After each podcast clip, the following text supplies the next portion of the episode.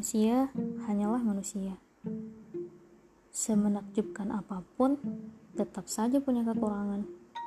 Karena itu, sejak dulu aku mencoba membentengi hati agar semua rasa kagum pada siapa pun, dalam hal apa pun, tak pernah membuatku mendewakan seseorang. Menjembatani pikiran bahwa kebaikan yang ada pada seorang hamba adalah salah satu tanda kesempurnaan penciptaannya. Bukan karena dia hebat, tapi karena penciptanya lah yang maha hebat. Jurus ini ternyata ampuh, menghindarkanku dari terjatuh dalam jurang perasaan semu atau rasa kecewa atas pengharapan yang berlebihan. Karena sekali lagi, manusia hanyalah manusia.